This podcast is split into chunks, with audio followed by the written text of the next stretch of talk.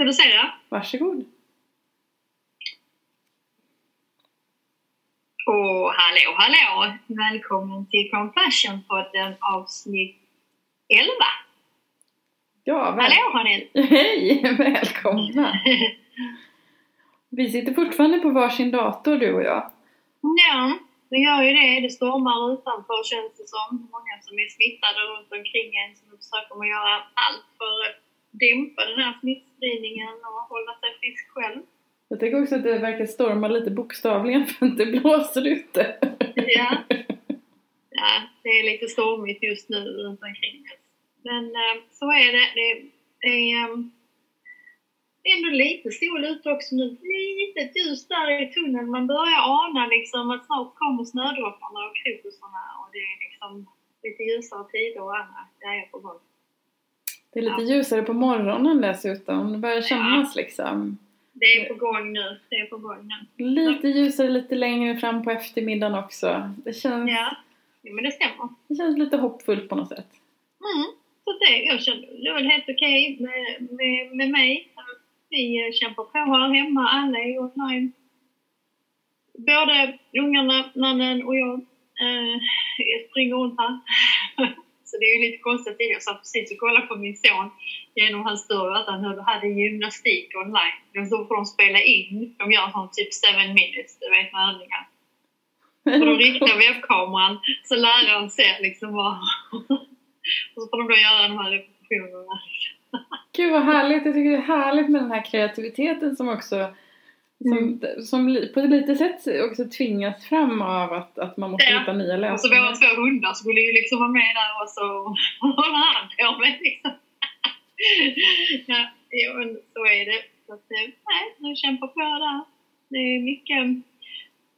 Mm, alltså i den här rastlösheten växte ju också kreativitet där som du säger. Alltså, det har varit mycket med mina söner att de spelar schack och piano har börjat liksom ska lära sig olika låtar och sådär som kanske inte hade uppkommit annars när, det, när livet blev fyllt med en massa annat. Så det finns liksom luckor till det. Det är kul. Det är kul. Ja. Ja, vi, vi har ju inte samma, samma situation som mina barn när jag är yngre. Ja, Så de är i att, skolan ja. Så att eh, det är lite lugnare här hemma. Ja, ja så är det. Och man får göra det bästa av det och ha, försöka. Eh, idag ska vi ju prata om sorg. Mm. Sorg, förlust, förändring och så. Eh, sorg i sig är ju inte en diagnos, eller hur Hanne? Nej, det har ju varit det, men att man Mm. har eh, plockat bort det ur diagnosmanualen. Eh, och jag tänker att eh, lite anledning till det är ju att man också har kommit fram till att sorg är en naturlig process, någonting som vi behöver ha för att kunna processa förlust. Mm. Eh, och då blev det tokigt att kalla det ett sjukdomstillstånd. Däremot så är det fortfarande, eh, nu kommer jag inte ihåg exakt vad diagnosen heter, komplicerad sorg. Eh, tror jag fortfarande är en diagnos. Alltså när man Mm. inte riktigt lyckas processa sin förlust. Mm. Eh, så, Ja, då kan det ju lätt bli en, det kan ju bli en depression och så om man inte processar den och, och, och har möjlighet till stöd runt omkring. Det kan bli, eller om man har sårbarhet för depression även innan. Ja. Men jag tänker sorg, alltså vad är det? Alltså, vad skulle du säga att sorg är för någonting? Jag, jag tänker att det, det, det finns nog lite olika definitioner av det. Men jag tänker, så som jag tänker kring det är att, att det, det är all typ av förlust som vi går igenom. Mm. Eh, Den där ledsna känslan som vi känner när vi har förlorat någonting. Eh, eller någon. Så det Mm. behöver inte bara vara eh, någonting vi går igenom när någon har dött. Utan det kan vara andra saker som vi har förlorat. Det kan vara att vi har förlorat vår position, eh, vårt sammanhang, eh, förlorat ett husdjur. Eh, Ja, eller en Absolut, ägodel. Mm. Det kan vara sjukdomar, skilsmässor, ekonomi, barnlöshet. Drömmar. Mm. Så att det är ju någonting som vi alla kommer att vara med om. Alltså så är en del av livet och sen eh, är det ju inte så rättvist livet så att en del kan få vara med om stora sorger tidigt och en del inte. Men jag tänker att, att eh, det kan vara så många olika saker och eh, kanske också i vår kultur så får vi lära oss ganska tidigt hur vi ska skaffa saker, hur vi ska få saker, hur vi ska få en utbildning, hur får man en relation, hur skaffar man sig ett boende, hur inreder man det, alltså sådär. Um, ibland kan jag tänka att, tycka att det saknas lite det här för att lära sig hur är det, men, men att förlora saker då. Mm. Och ibland finns det närmast en känsla kring det, att, att ja. ja men det, det det ska vi inte prata om eller det ska man inte lära sig. Nej. Och det är ju en, en sårbarhet, tänker jag, i vår kultur med det. Och det kan ju lätt leda till en ensamhet som inte blir så bra i, eller att man blir eh, kritisk till sig själv, att det känns på ett visst sätt. För jag tänker om man känner en sorg så, så om vi skulle säga vanliga reaktioner med en sorg är ju mm, men säg att det är någon som har, du har förlorat, som har gått bort eller dött. Eh, det kan ju vara här nu i coviden, det är många som har förlorat anhöriga. Mm. Um, det kan vara ett skilsmässa eller så, du har en stor förlust och det är väldigt vanligt att, att man, man blir trött, att man har liksom symptom som utmattning med koncentration och glömska, att det påverkar sömnen och humöret, orolig, att man ehm, kan eh, liksom få problem, det sätter sig ju i kroppen också såklart. Kroppen och tankarna och känslorna hör ihop så att då kan ju det vara att man får ont i ryggen, magen, huvudvärk, så, så sorg tar ju plats på det sättet. Ehm, både emotionellt och, och fysiskt. Och jag tänker att det ska få ta plats också. Ehm, mm. Och lite för att knyta an till det här man har tagit bort ur eh, diagnosmanualen. Att det är en naturlig process men det ska också finnas plats för den processen. Att mm. vi ska faktiskt ha utrymme att, att processa någonting som, har, som vi har förlorat. Eh, att, att... Och där tänker jag en viktig grej, för absolut man kan säga så att det är för det är ju, det är en naturlig process. Men där får också vara försiktig med att det innebär inte bara att det här ska du bara klara av och det här är naturligt. Så så. Och det, det tanken, det, det, den kulturen eller det perspektivet leder ju bara till psykisk ohälsa. Så att, att, eh, det, att man mår dåligt. För att en sorg är naturlig och vi kommer uppleva det i kroppen eh, eller i livet och, och det den behöver ta plats och vi behöver andra människor i det och vi kanske ibland också behöver tid för att läka och bearbeta. Ja, ibland brukar jag vända lite på det när jag pratar med mina patienter kring sorg att sorg är en indikation på att någonting har betytt någonting för dig. Att jag har varit känslomässigt engagerad i en person eller i ett sammanhang eller någonting.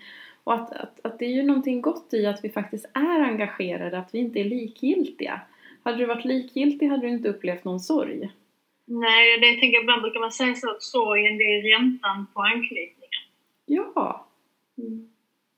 Men, och det är ju i, i, i grund och botten är det ju någonting gott att vi faktiskt Alltså vi låter saker och människor betyda någonting för oss. Och att det gör ont när vi förlorar dem. Mm. Ja, det gör ont när man förlorar personer eller förlorar situationer eller förlorar drömmar man har och så. Mm. Jag tänker också att eh, mm, just det här med då hur kulturen tar emot, alltså det är två lite olika saker som spelar roll hur man kan hantera det. Alltså, en är ju vad jag har lärt mig som barn alltså med känslor eller med sorg eller lidande. Det vi har pratat om innan att självmordskänsla handlar ju om hur jag tar hand om lidande. Mm. Um, och det här är ju verkligen ett lidande. Det är en jättejobbig känsla med sorg. Mm. Uh, och, och, och så kan man säga att det är en reaktion av olika känslor, så det är inget rätt och fel hur det ska kännas. Alltså man kan känna, um, många beskriver om man har en akut sorg så att man känner sig bedövad först, så att man är lite så out of contact liksom, i en bubbla själv, man känner liksom bara lite overklighetskänslor och så. Mm. Um, och sen kan de här känslorna bölja fram och tillbaka som ett flöde. Så ibland pratar man om faser, men det är ju ingen så här klockren att i en månad så är det ju chock.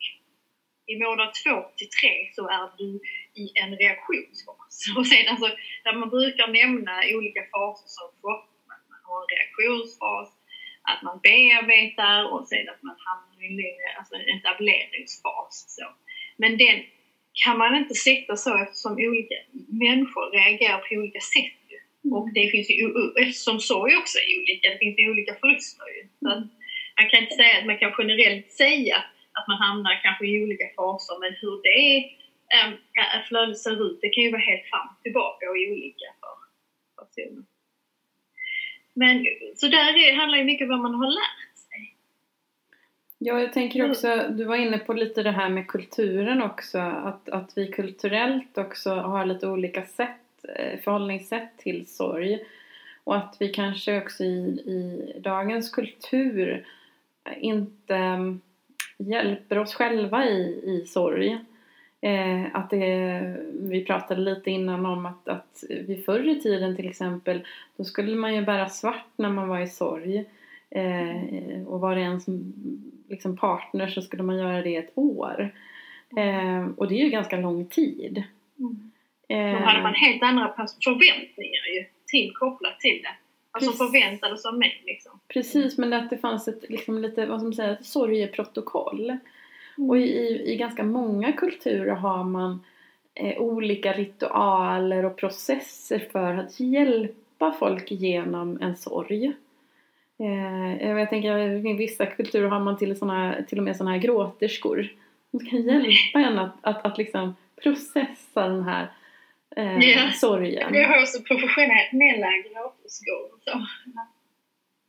jättekonstigt i vår kultur liksom. Det hade ju varit lite märkligt men jag tänker att det, det vittnar ju någonting om det ganska mänskliga i det här med, med sorg. Att det, att det är någonting som vi eh, kan behöva lite hjälp med. Det är någonting vi behöver göra tillsammans. Det har vi gjort genom alla tider. Har vi liksom eh, tagit oss an eh, sorg i ett kollektiv. Jag tänker att i dagens moderna individualistiska kultur så gör vi kanske inte det riktigt på samma sätt längre. Nej, jag tänker att det är sårbarhet. Ja, men där är du inne på en jätteviktig grej. Då tänker jag att det är en sårbarhet i det.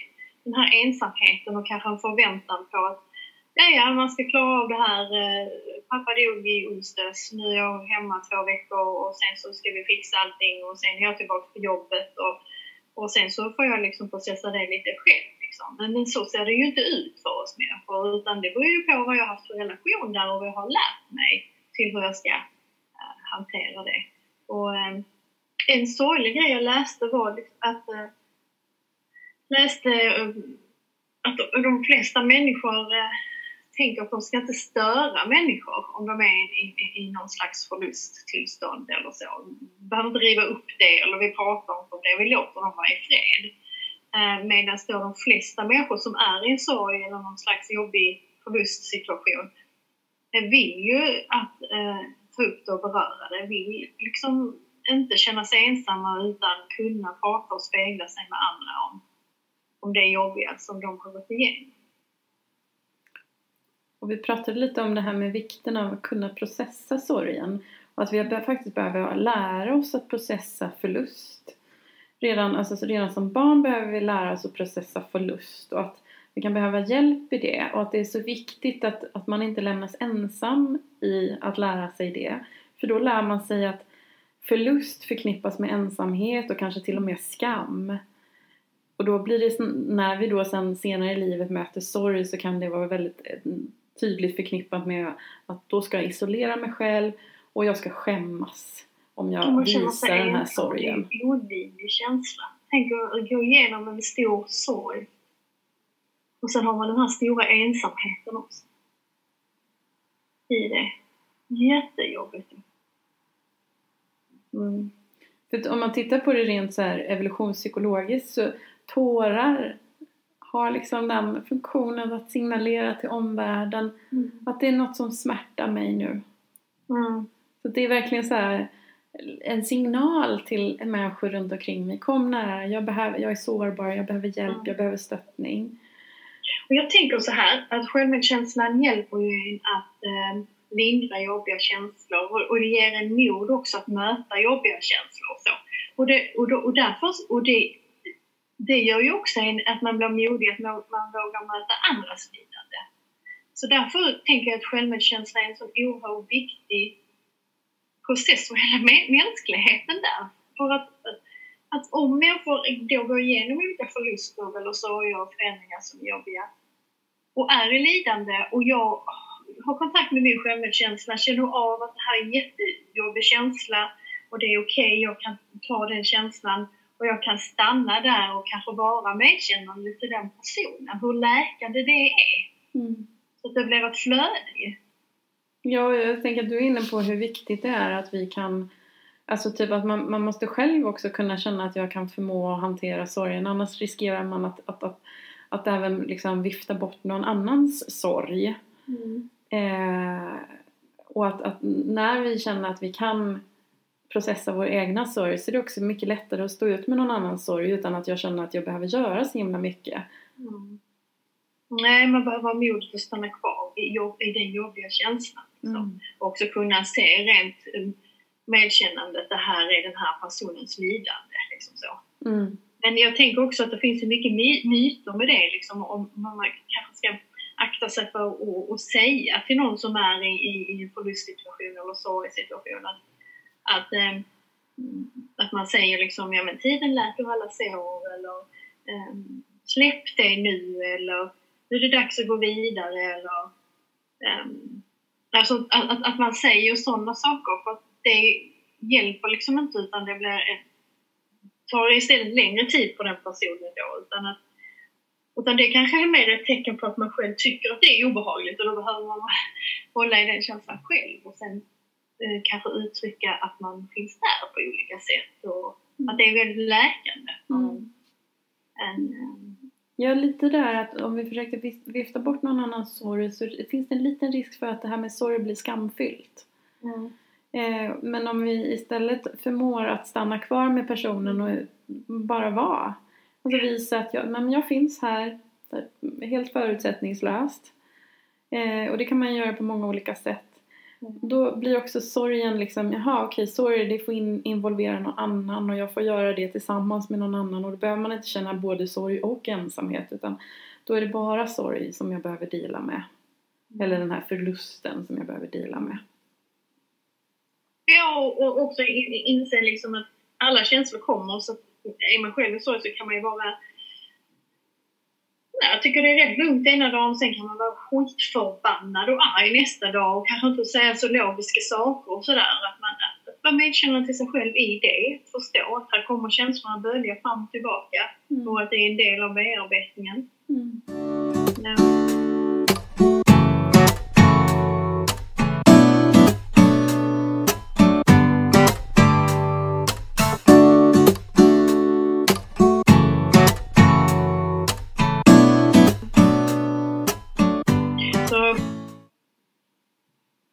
Jag tänker det var en patient som frågade mig så här, men, men vad menar du nu med det här? För att ibland kan man få rådet att man ska distrahera sig så att man ska älta, att man ska liksom avleda och sådär. Och då, tänkte, och då sa jag till henne liksom att um, absolut kan det vara bra ibland att distrahera sig, alltså att, att avleda sig själv, att man inte eh, gräver ner sig liksom, utan att man behöver kanske gå och träna, man behöver kanske prata om något annat, man behöver kanske um, se en film eller så här. Eh, men om du gör det samtidigt med bearbetningen. Men om den här distraktionen blir liksom, det är bara det du gör för att trycka bort känslan. Då blir det inget bra. Jag tänker, jag tänker att för många, kan, alltså om det, för många kan den här förlusten eller sorgen kännas så överväldigande. Då kan man behöva få rama in den lite. Eh, ibland pratar jag om att man ska ha liksom en sorgestund. Alltså en liten stund varje dag där jag kanske tänder ett ljus och, och tänker på personen jag har förlorat. Ehm, eller spela någon musik som betydde mycket för mig och den här personen om det är en person jag sörjer. Och så begränsar vi det tidsmässigt istället så kanske man får göra det en halvtimme just den Mm. dagen eller tio minuter just den dagen. Och sen blåser vi ut ljuset och så får man fokusera på någonting annat. Mm. Och jag tänker att det är viktigt att, den att den, det utrymmet får finnas och att det får finnas så länge det behövs. Mm. Den dagen den inte behövs så känner man det för då brukar man glömma bort att ta sin lilla Mm. Och sorgestund. förstå att, att det är liksom det som bearbetar, det är det som läker dig, det är det som gör att du kommer liksom må bättre både psykiskt och fysiskt i, i den här processen. Så där är ju självmedkänslan jätteviktig. Alltså att man är tillåtande Mm. och att man kan ta hand om de här känslorna. För jag tänker att det vi, många av oss har en tendens att göra är att vifta bort det eller tänka jag tar det sen, jag ska bara fixa alla de här grejerna först och så vidare. Jag får ta det sen, jag pallar inte det nu. Och, Mm. och det är här vi kan liksom faktiskt eh, råka ut för att, att hamna i mycket psykisk ohälsa. Ehm, utmattning kopplat till oprocessad sorg, depression är kopplat till oprocessad sorg. Ehm, att, då är det bättre att man begränsar det tidsmässigt och bara okej, jag behöver 10 minuter av, av tid varje dag och det är inte mycket. Där jag bara är med det här. Och sen är det nog. Så kan jag få göra något annat. Men att jag gör det. Och som sagt, det behöver inte vara att någon har dött. Det kan vara hela den här situationen vi är i nu till exempel. Det är mycket förluster i det vi befinner, den vardagen vi befinner oss i just nu. Vi, vi har ju en förlust bara här att inte vi träffas i samma rum eller att vi inte har kunnat krama om varandra eller kunna läsa av varandra lite sådär liksom. Um, alla sociala möten som man får spontant annars.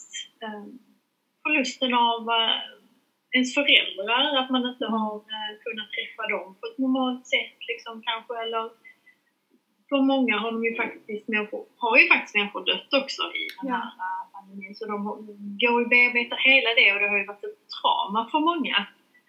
Ehm, att gå igenom eh, eh, något sånt, och kanske inte få säga adjö, alltså till och till och med i, våras vet jag att jag hade liksom klienter så som inte fick vara med på begravningar. Mm. Eh, Det är ju ett enormt trauma för många.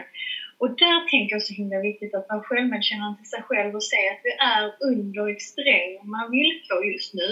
Mm. Så kan jag liksom titta vad jag behöver i det istället för att liksom piska mig vad jag måste göra eller så. Och, och kan, jag, kan jag kanske ta den här medkänslan till andra också för vi har ju faktiskt ingen aning vad andra människor vi möter går igenom just nu. Mm. Jo, jag tänker att det blir lite ringar i vattnet på det också. Jag har, jag har flera eh, nära vänner som har förlorat eh, närstående i covid. Och i- det har det också blivit jobbigt för mig för att jag har ju inte kunnat trösta på det sätt jag hade velat. Jag har inte kunnat ge en kram, jag har inte kunnat åka dit, jag har inte kunnat närvara vid begravningar. Um, jag har liksom inte kunnat ge allt det där som jag skulle vilja och att det också blir så här Ja, men det blir en sorg för mig att, att, att det är någonting som jag inte kan förmedla som jag så himla gärna vill förmedla. Ja. Och också en sorg å deras vägnar att det är ju någonting de inte får. Att det är någonting som kommer liksom Mm. fattas dem i, det här, i den här processen också. Mm, så det är mycket i dessa tider. Det kan ju vara allt från det till att man är singel och ensam och att man inte har möjligheterna faktiskt att bara lätt liksom kanske dejta eller träffa andra eller så där behöver man ha, verkligen ha en eh, självmedkännande syn till sig själv och förstå att det är yttre faktorer som gör att inte diskvalificera sig själv i det. Här är mycket förluster just nu som pågår. Det kan vara mindre förluster och det kan vara mycket stora förluster. Ja, eller förlust av jobbsammanhang. Mm. Eh, alltså det här som vi kanske tar alldeles för givet i andra situationer. Det här, ja men du vet, man får snacka lite vid kaffemaskinen eller det, det här sammanhanget. Mm. Eh, att bara få ge sig iväg till jobbet tillsammans med massa andra som ger sig iväg till Mm. jobbet. Förlusten av den känslan. Ja, men det var som jag märkte, jag stötte på en granne. Jag skulle hämta någonting, var du vet ute och skulle vi få, och, och som jag babblade. Och när jag gick in så tänkte jag, men herregud! Hon babblar ju liksom om allt. Alltså den här, fast den här grannen babblade lika mycket så att den, han tänkte nog också liksom att man bara liksom, åh där är en människa, ja, vad tycker du om det? Och så gjorde det, så kände jag så och sen kolla där, och ja, och så gjorde jag så, och vem dog på jobbet här, och du vet. Bara, gud, jag tänkte verkligen när jag kom in i köket att herregud vilket upphämt behov av att bara snacka liksom Men då, men det jag har mött under det här året är också många som har haft dåligt samvete för att de har känt den här förlusten och sorgen kring saker som inte blir av eller som inte är just nu och tyckte såhär, ja men jag är inte hårt drabbad, varför ska jag vara ledsen för det här? Eller liksom varför är jag så ledsen för det? Men jag tänker, men om vi tänker då att du skulle vända den känslan till någon självmedkänsla, hur skulle du ge rådet då? Men jag tänker att det första i självmedkänsla är faktiskt att vara öppen och känslig för mitt lidande. Och alltså, nej men jag känner en förlust. Och det är okej. Okay. Det är okej okay att jag upplever det här som ganska jobbigt.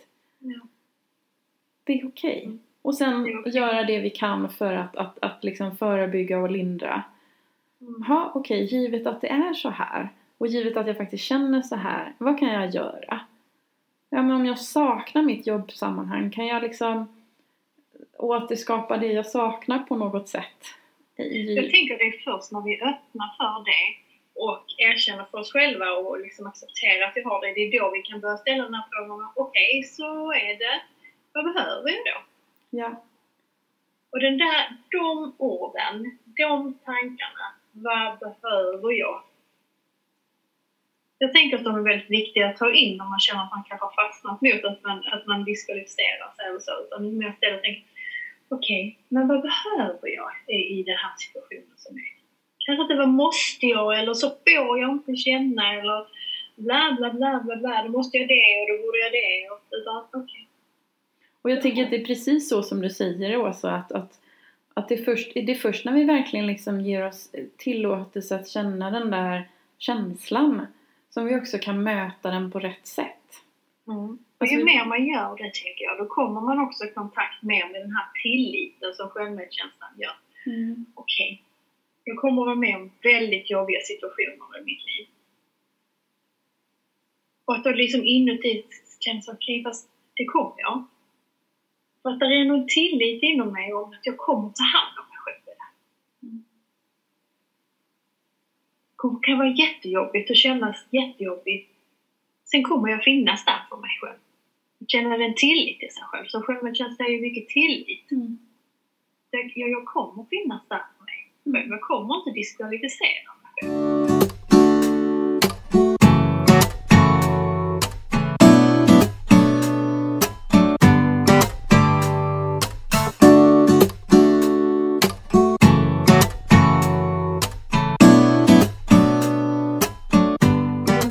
ibland kan man behöva få lite professionell hjälp för att, att liksom, eh, processa själva förlusten tillsammans med någon. Om vi inte har lärt oss det så kan vi behöva få göra det tillsammans med någon. Mm. Så att vi i det också kan utveckla den här tilliten som du pratar om. Ja, absolut. Och där finns ju mycket, om man går till en psykolog till exempel så kommer psykologen oftast se hur har relation, alltså säga att det är, om, om man skulle säga att det handlar om en relation eller så, så bör man, börjar man först kanske undersöka um, vad handlar den här sorgen om? Och då kan det ju vara, det kanske inte handlar egentligen om det man tror, ibland kan det handla om någonting annat.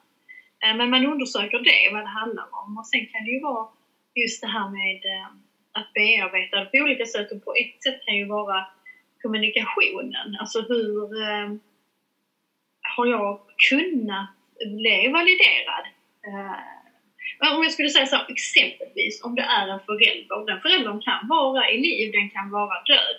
Uh, men man har en stor sorg att uh, min mamma har inte liksom uppfyllt sitt kontrakt som mamma, om man säger. Så hon har inte kunnat validera mig, hon har inte bemötts mig, hon finns inte där för mig. Mm. Så. Den relationen har jag aldrig fått. Och så börjar man då, har man ju sorg, det är det förlust. Att jag har inte den mamman. Och då kan man ju behöva hjälp med att bearbeta det, att komma till den liksom. Och då kan det handla om att eh, få lov, med en terapeut, få lov att och uttrycka det som man, man inte har kunnat uttrycka, kommunicera med mm. den personen till exempel. att få lov att säga i rummet, precis som att mamman är där fast hon inte är där, att få lov att Mm. göra en um, fullbordad kommunikation. Det kan man göra även om, om mamman lever, det kan man göra Mm. om hon är död. Och så terapeuten hjälper en Mm. att fullborda den kommunikation. Och det är en slags att, att bearbeta det. Men det blir en hjälp i att, att, att, att processa den där förlusten av mamman jag önskade att jag hade. Ja. Och, och, och i det kan det också födas ganska mycket när vi gör, har gjort det. När vi liksom kan få sjunka in och få den där känslan av ah, okej, alright, men det här gör jäkligt ont, det här, alltså det är väldigt sorgligt. Så kan det faktiskt öppnas en acceptans för det som är. Mm. Och det tänker jag, acceptans, det är egentligen, vi borde ha ett helt avsnitt bara om det. Ja, verkligen. Eller? Vad är acceptans i terapins och psykologins värld liksom? Mm, Alltså här menar vi ju inte att det är någonting som man tycker är okej. nej. Eh, utan det är att man liksom ser det för vad det är. Att man erkänner för sig själv, nu är det så. Att Mm. min mamma är så här. Det ligger utanför min kontroll. Alltså det, jag har kämpat jättemycket med det här men det kommer inte ändra sig. Och det är Mm. då så här det blev för mig. Så det är klart att ehm, det är jättestarkt kopplat till självmedkänslan. Att våga Mm. gå in i hela den processen att förstonas med sig själv eller med någon annan. Eller med acceptans är jättemycket självmedkänsla i det. Vad behöver jag i det? Och vad Mm. behöver jag i det lidandet? Att kunna öppna upp mig för det. Men det är också väldigt läkande. Kan man säga. Att det är först då liksom man kan släppa taget om det och det tar inte så stort utrymme i ens liv. Mm. Men det är ju fortfarande en sorg man har med sig. Mm. Den försvinner ju inte. Alltså det är ju fortfarande någonting som är en förlust i ens liv. Mm. Och du var inne lite på det här med att kommunicera liksom alltså kom, kommunicera med hjälp av en terapeut till exempel men, men man kan ju också tänka sig att man liksom gör det här på ett, ett, ett självmedkännande sätt att kommunicera till exempel till mig själv när jag upplever en förlust av något slag. Mm. Eh, och det finns flera olika vägar som man kan göra det på. Man skulle kunna skriva, skriva ett litet brev till mig Mm. till mig, själv så här, kära Jeanette. Mm. ehm, jag vet att det här är otroligt smärtsamt och svårt. Och i det här smärtsamma och svåra så önskar jag dig det här. Mm. Eh, eller ehm, jag skulle vilja det här, ja, jag skulle vilja att du fick det här i det här smärtsamma, svåra till exempel. Eller man skulle också kunna göra det i form av, av olika mer medkännande handlingar tänker jag. Eh, när, alltså när man har identifierat att ja, men det, här, det här är en förlust. Det här är svårt. Ja, okej. Så vad kan jag göra för mig själv i det här som är svårt? Hur kan jag liksom värna, ta hand om mig själv, visa mig själv omsorg? Eh, handlar det om att kanske koppla upp sig på, på Skype eller Zoom med en kompis, eh, ta kontakt med folk, ringa? Eh, handlar om att ta, ta mig själv ut på promenader för att träffa andra människor till exempel så jag inte känner mig lika isolerad. Det beror ju på vad den här smärtan eller förlusten handlar om. Mm. Men hur kan jag svara på den? Kan jag Mm. göra det genom en handling? Kan jag kommunicera det direkt till mig själv på något sätt? Mm. Eh, Att kunna se det om det så är så att vi har haft några avsnitt om utmattnings eh, eh, syndrom och depressioner och så, vilket är en enorm förlust. Vi pratade ju också om det, att det är en enorm förlust och där är en sorg i, i det liksom. Mm. Och, och, så det behöver inte vara just det här med en relation eller att de har dött, utan det kan ju vara sjukdom eller så och, och just hur viktigt det är att komma till det då, att mm, vad behöver jag? mm, Och ge sig det själv. Det kan också vara kommunikation till andra. mm. Jag kanske Man kommer man fram till att för sig själv. Om vi kommer in på avsnitt gränser, kommer in på det. Det är också. Vad behöver jag? Precis. Och kanske kommer man fram till att nej, men jag, behöver, jag behöver lite hjälp här. Jag behöver, jag behöver Mm. faktiskt någon annan i det här. Och om vi kan Ja. identifiera det så är det också lättare att kanske sträcka Mm. ut en hand eller eh, ta kontakt med någon.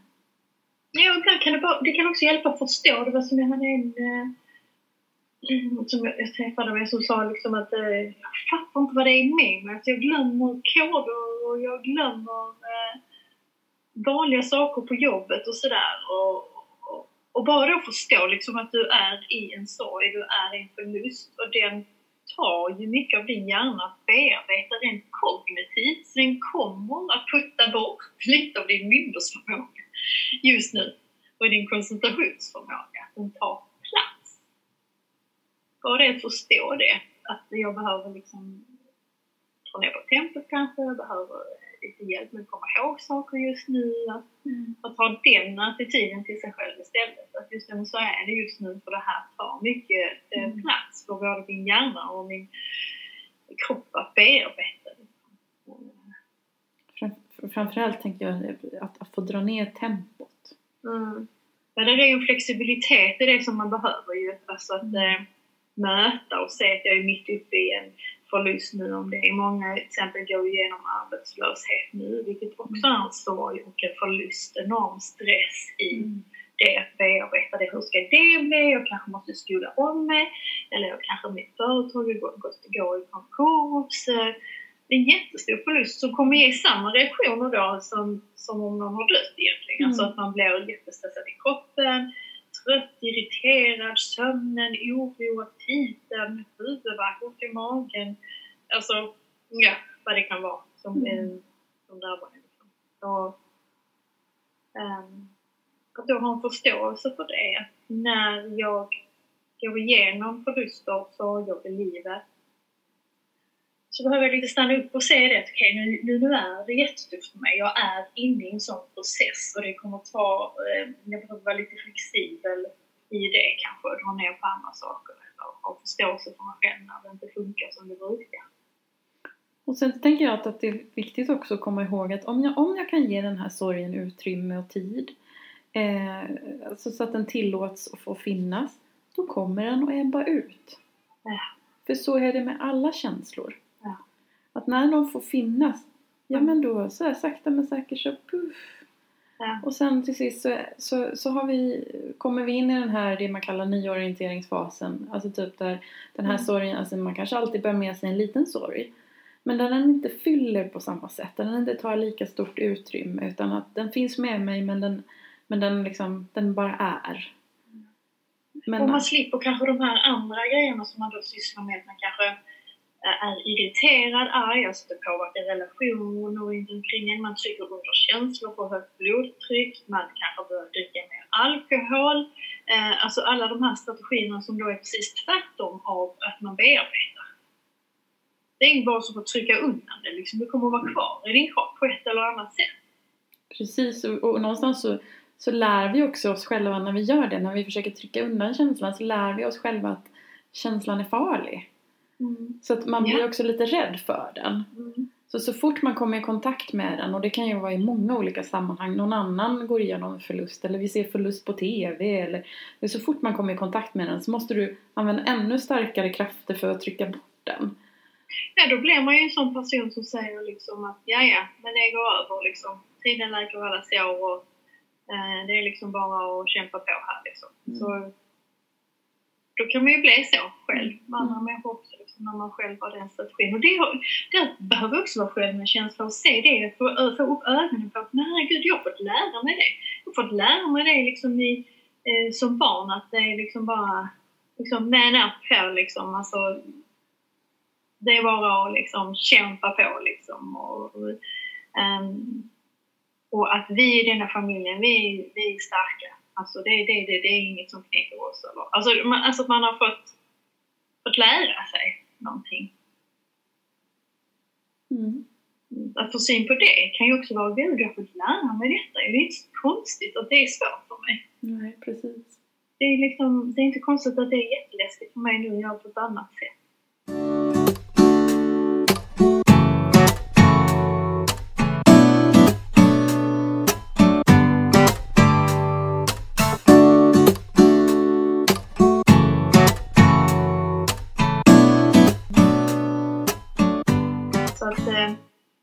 Finns olika sorger och förluster och en del stora, en del mindre. Men de behöver ju mötas på liksom samma sätt. Ja, precis. Det är ju olika svårt såklart. Alltså, en stor sorg. Det är ju...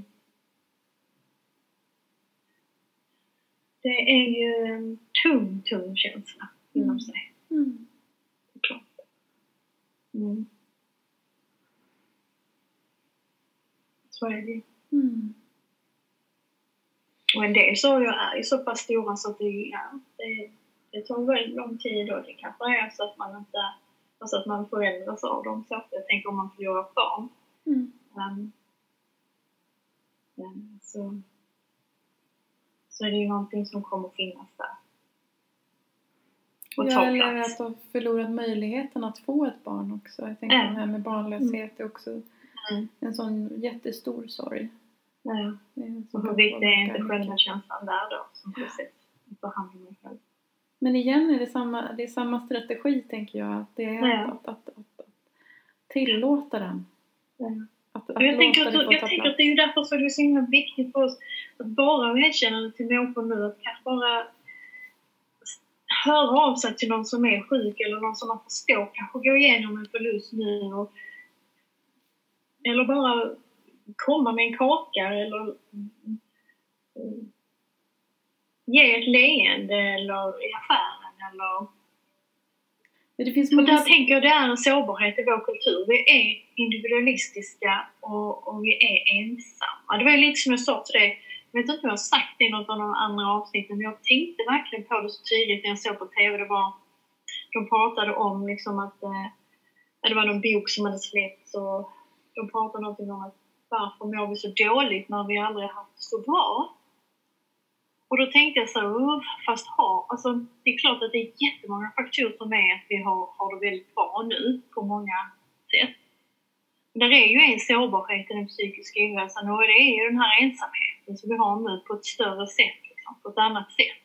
Det här individualistiska tänket, alltså att man bor själv och man ska klara sig själv. Och jag tänker att det är en jättestor sårbarhet i, i psykisk ohälsa. Mm.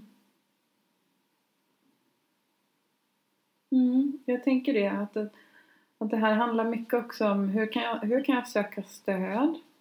Hur kan jag se till att jag inte blir ensam? Och även vi, alltså vi, vi, vi andra tänkte jag säga, men eh, att, att man också när man har någon nära, någon runt omkring sig som går igenom sorg, hur kan jag visa närvaro? Det behöver inte nödvändigtvis vara att jag sitter bredvid personen eller alltid pratar med personen. Vi kan ju visa närvaro på så många andra sätt som du är inne på. Kan jag bara baka några bullar och hänga på grannens dörr? För att visa Ja, att- den personen kanske är i en fas när den nyss har dragit sig tillbaka lite grann så, så det är ju inte helt klockrent exakt hur alla vill prata om sin sorg alltid, hela tiden såklart. Men då kan man ju vara medkännande och bara säga att ah, jag har plockat blommor till dig, eller jag har bakat bullar till dig, eller eller skicka, jag finns här om du vill, eller när du vill. precis, eller bara skicka ett sms. Hur mår du? Hur är det? Mm. Jag tänker att det, det man ofta, alltså det är många som går, har gått igenom en, en, oftast då en förlust av en närstående berättar är att, att, att folk kan vara väldigt bra med att göra det de första veckorna. Mm. Men det är oftast inte de jobbigaste veckorna. Nej. Utan att, att kanske tänka sig att, att, att ska jag vara em, Ska jag vara stöttande kring någon som har sorg så kanske jag ska se det som ett mer långsiktigt projekt Mm. där jag lite då och då checkar in till och med. Alltså, Ja. kanske det närmsta halvåret till och med. Mm. Att bara, ja men hur är det? Mm. Och att, Ska- att, ska att vi ta en promenad? att då inte börja peka på liksom att så nu börjar du släppa detta, nu bara, du kommer gå upp och ner, de kanske har en, något som påminner dem om det eller... Alltså det går ju upp och ner och, och om det... Så det blir så icke-medkännande och icke-självmedkännande om man diskvalificerar. Alltså, så det kommer gå upp och ner, det kommer bölja fram och tillbaka med alla förluster. Och jag tänker när vi pratar om att, att, processa förlust så ska vi inte glömma just det här som vi inledde med att säga att, att det är en naturlig process. Vilket innebär att om vi inte stör den så sköter den sig själv. Så som, eh, som liksom närstående till någon som går igenom en förlust så behöver vi inte nödvändigtvis hjälpa dem igenom den. Utan mer, det, det kan vara så mycket viktigare att bara visa att jag, sin närvaro, alltså Mm. signalera. Ska vi ta en promenad? Vi måste inte prata om det utan låt personen prata om det om de vill. Om det kommer upp, Mm. upp av sig självt så. Jag måste inte pocka på och liksom så här, ja men du måste ju prata om den här sorgen. Nej, det kan hjälpa att man sitter där och har köpt med sig bullar och, eller att man säger så här, du, du vet att jag är här när du vill prata. Men, men jag tänker att det är viktigare att signalera sin närvaro än vad det är att, att, att, att faktiskt prata. Mm. För det kan också bli otroligt jobbigt för någon som går igenom en, en, en, en sorgeprocess att, att folk bara ah, vill du prata? Bara, Nej, jag vill inte prata för det är inte alla som processar på det sättet. Eh, men däremot att, att inte behöva vara ensam i den processen Mm. tänker jag är det riktigt viktiga här. Ja. Det är ju det. Vi, vi är liksom inte, ensam är inte stark i detta utan jag tänker liksom det, absolut och så var jag också när jag var yngre, så jag vet jag har gjort sådana missar också när jag var yngre liksom att jag klarar inte av den jobbiga känslan när någon är med om det är väldigt jobbigt så jag vill ju bara problemlösa och det, lite ibland brukar jag tänka så här att, att, att när någon har en stor sorg eller förlust så, så är det som att de har trillat ner i en grop ju. Mm. Och så står jag där och tittar ner. Och det är klart att om jag älskar den personen och tycker den jätte- väldigt mycket om den personen så vill jag ju inte att den ska kännas så. Så då vill jag ju liksom direkt kasta ner en lina och säga att nu får du klättra upp liksom och nu gaskar vi upp oss och sådär. Men att, att, att förstå det då och ta medkänsla till sig själv och bara det här är jättejobbigt att se den här linan och så personen som jag tycker om. Men ibland behöver jag liksom, behöver jag vara okej, men du, jag, jag sätter mig här bredvid dig lite grann i mörkret. Och så får du vara här liksom Mm. och sen så hjälper jag dig upp sen när du vill och så. Mm. Mm. Så där gjorde ju inte jag när jag var yngre kan jag säga, men det är ju någonting som man har lärt sig. Jag var mycket mer problemlösande i, alltså i lidande.